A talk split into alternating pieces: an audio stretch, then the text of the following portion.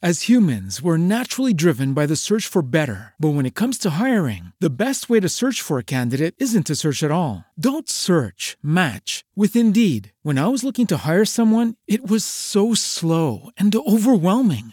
I wish I had used Indeed. If you need to hire, you need Indeed. Indeed is your matching and hiring platform with over 350 million global monthly visitors, according to Indeed data, and a matching engine that helps you find quality candidates fast. Ditch the busy work. Use Indeed for scheduling, screening, and messaging so you can connect with candidates faster. And Indeed doesn't just help you hire faster. 93% of employers agree Indeed delivers the highest quality matches compared to other job sites, according to a recent Indeed survey. And listeners of this show will get a $75 sponsored job credit to get your jobs more visibility at Indeed.com slash podcast. That's Indeed.com slash podcast. Terms and conditions apply.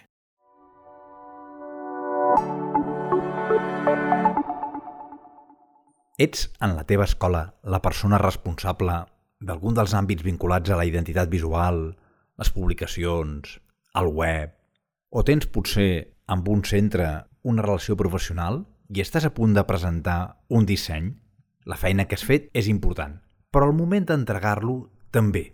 Ho has de fer molt bé. O potser, en canvi, ets un directiu o directiva de l'escola. Toca aprovar o fer rectificar treballs creatius. Crítica, en el teu cas, és indispensable.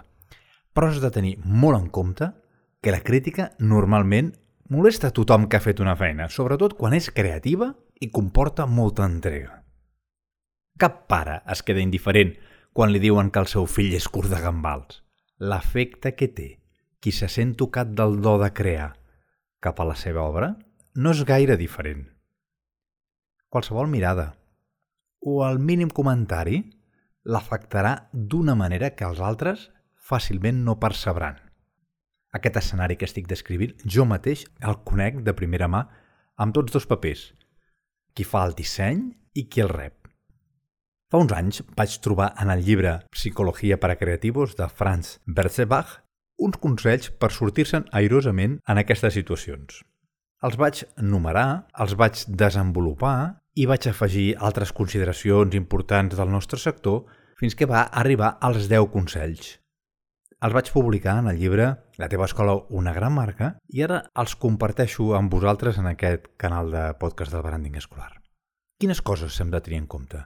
Jo, per tal de facilitar, empatitzar, us suggeriria que escolteu les dues campanades, la del qui fa el disseny i la de qui el rep. Així us serà més fàcil imaginar-se com se sent l'altra part. Comencem amb els 10 consells pel creador del disseny. Primer, no et precipitis. Has trobat la solució al problema que et corcava la ment cada nit les darreres setmanes. Eureka! I l'eufòria es converteix en precipitació. Ho entregues de seguida. La pressa t'ha amagat errors importants o petits detalls que baixen la qualitat del disseny. Una part no resolta, faltes d'ortografia, una selecció equivocada de les lletres o del color corporatiu? Realment calia entregar-ho tan de pressa?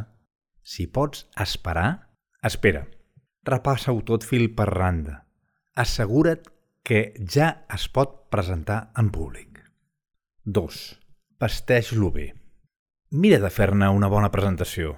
Crea expectativa. Sorprèn, com feia Steve Jobs insereix també el disseny dins del seu context. No oblidis que una persona no habituada al món gràfic té dificultats per imaginar-se aquell logo, aquella il·lustració, aquella maqueta dins d'un follet, en un rètol o en una revista. Necessita veure'n mostres. I presenta't bé també tu. La roba que et posis, el capteniment, la mirada, el to de veu, les postures corporals, tot influirà en el resultat de la reunió. No perdis de vista el teu rol i el de la persona a qui ho presentes, el seu caràcter, si el coneixes. La formalitat com parlem o com ens vestirem dependrà d'això. Prepara abans què diràs i com ho diràs. Segur que sortirà millor. 3. Distancia't del teu projecte. Potser ara et sembla extraordinari, però convenç-te que passat un cert temps hi veuràs defectes. Ves a saber si en el futur no en reconeixeràs la paternitat. Treu, doncs, gravetat als comentaris que puguis sentir. Al capdavall no t'estan criticant a tu, critiquen el disseny. Riure's una mica d'un mateix és molt saludable i ens evita moltes tensions. Davant dels nostres projectes tenim una visió parcial i per això cometem sovint errors de perspectiva. Quart, no et disposis a pensar la resposta que en tindràs. Si estem nerviosos o treballant sota pressió, correm el perill de sentir només allò que esperem sentir. Sempre hi ha una història prèvia de mostres de desconfiança, de retrets despietats, de fredor, i estem convençuts que darrere un però ens plauran els atacs. És interessant, però... Però una part important d'això succeeix només en la pròpia imaginació. Amb una actitud més positiva aconseguirem millors resultats. Cinquè, esforça't a escoltar clarament. Apunta les observacions que se't facin i escriu tot, després podràs rellegir-ho amb calma. Si hi ha res que no entens amb precisió, pregunta i demana que t'ho aclareixin. Elimina tota ambigüitat.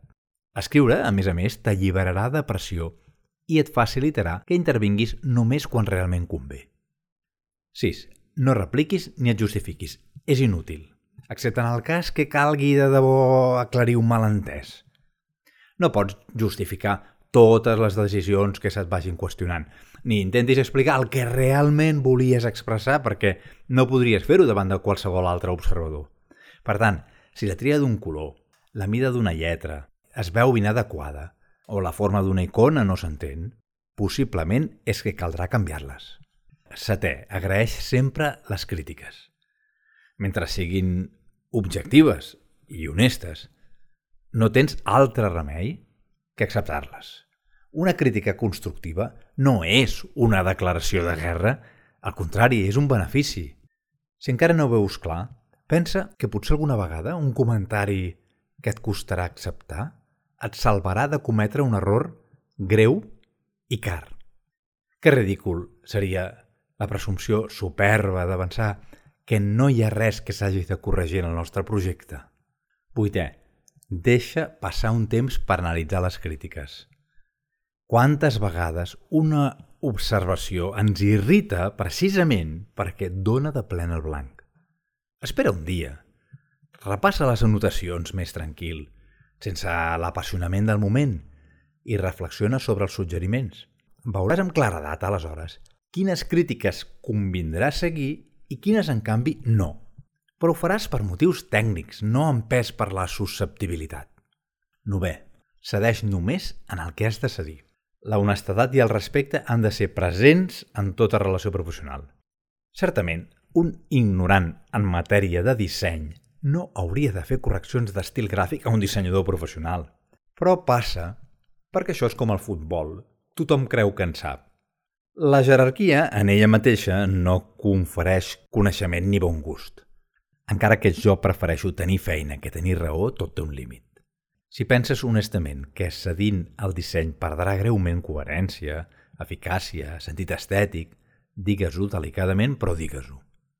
I desè, marca't la correcció com un repte. Una característica comuna de les persones creatives és l'automotivació, la capacitat de sobreposar-se a les dificultats. No abandonis davant del primer entrebanc. Considera aquesta correcció una regla més del joc.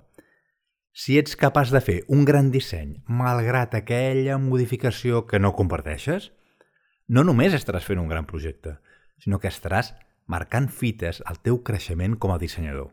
I ara, a continuació, els 10 consells per a qui ha de rebre el disseny. Ei, dissenyador, escolta'ls també. Primer, prepara l'expressió del teu rostre.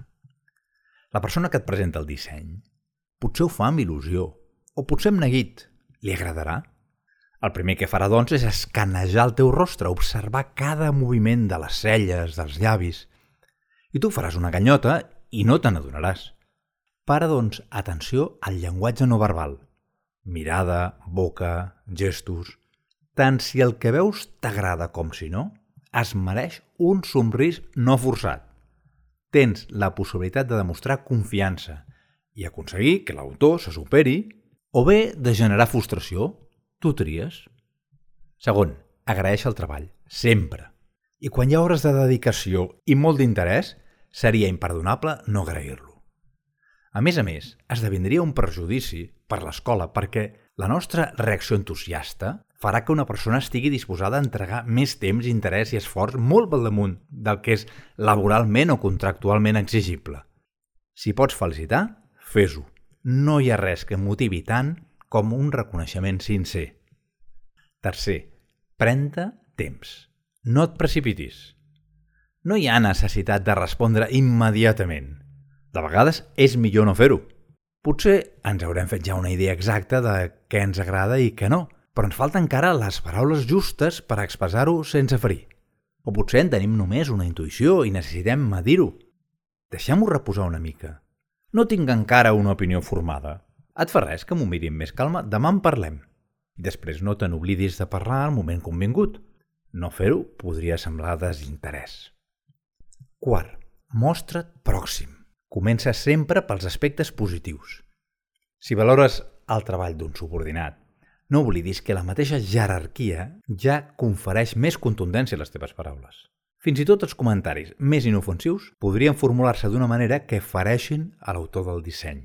I quan ja s'ha trinxerat emocionalment per defensar-se dels teus atacs, no li demanis que sigui receptiu a cap suggeriment. Obre, doncs, abans les barreres, crea un clima cordial, mostra confiança, felicita el que està bé i després serà més fructífera la correcció. Cinquè, separa els judicis del gust personal.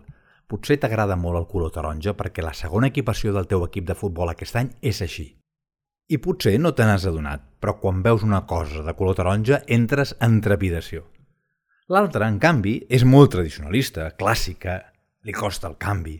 Sempre vesteix de gris, granat i blau marí. Aquests són els colors que posaria a tot arreu. Però això no té res a veure amb la qualitat d'un disseny ni la seva adequació. Si no aprenem a distingir el gust de la conveniència, ens convertim en un destorb per a un bon disseny. Sisè, no fonamentis la crítica en la jerarquia. Segurament, si heu delegat aquella feina a aquesta persona, és perquè té prou destreses per fer-la. Potser fins i tot en sap molt perquè és la seva especialitat. Serà doncs bo que no hi hagi molt per corregir. Confia en la gent. No cal que et sentis en l'obligació de corregir sempre algun detall. Això no et confereix més autoritat. Fes-ho només quan realment sigui necessari. Evidentment, si un disseny objectivament no l'has d'aprovar, tingues la valentia de parlar clar encara que comporti un disgust. Setè, no facis judicis generals que no permeten orientar la millora les generalitzacions són contraproduents. I això ho hem d'aplicar també a la crítica positiva. Rebre una admiració cega pot omplir de satisfacció, però tampoc no ajuda a millorar. I més encara, lògicament, en la negativa. Uf, ho trobo pobre. Doncs posa-hi una mica més d'esforç per concretar què és el que fa pobre el disseny. Vuitena. Utilitza la primera persona, no pontifiquis. Sens dubte li falta força. És un disseny confús no lliga amb l'estil general. Encara que hem dit abans que cal evitar el subjectivisme i que hem de basar la crítica en dades objectives, no deixa de ser cert que moltes coses en aquest camp són opinables, canviables, subjectes a les modes o a les variacions generacionals. Utilitza, per tant, expressions com al meu entendre li falta força, em costa fixar la vista en algun punt, em confon, no hi sé trobar la connexió amb l'estil gràfic de la resta dels elements. Nové, Evita etiquetar les persones. Combinen colors, ets força dolent. No veus que no lliguen? Macatar no és per a tu, et surt malament sempre. Ara et toca judicar només el treball fet. Deixa les valoracions generals per un altre moment. Ni tan sols ara toca treure a col·lació els errors de la revista de l'any passat. Tot això és aigua passada i recordar-ho només contribueix a crear un mal ambient innecessari. I desè, sigues pràctic. Si és millor que l'anterior, ja n'hi ha prou. Tot és sempre millorable. El que hem de decidir és si val la pena insistir-hi. Un full imprès amb fotocopiadora i repartit a les famílies d'una sola classe de l'escola no es mereix moltes hores de disseny. En canvi, una plantilla per a tots els documents que es faran al centre sí. Ens cal aplicar eficiència, el mínim esforç amb el màxim resultat.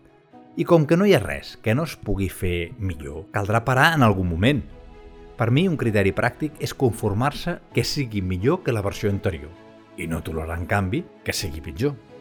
Si tant qui fa la feina com qui la rep viu aquests consells, els moments de presentar dissenys seran memorables. With Lucky Land slots, you can get lucky just about anywhere. Dearly beloved, we are gathered here today to. Has anyone seen the bride and groom? Sorry, sorry, we're here. We were getting lucky in the limo and we lost track of time. No, Lucky Land Casino, with cash prizes that add up quicker than a guest registry. In that case, I pronounce you lucky. Play for free at LuckyLandSlots.com. Daily bonuses are waiting. No purchase necessary. Void where prohibited by law. 18 plus. Terms and conditions apply. See website for details.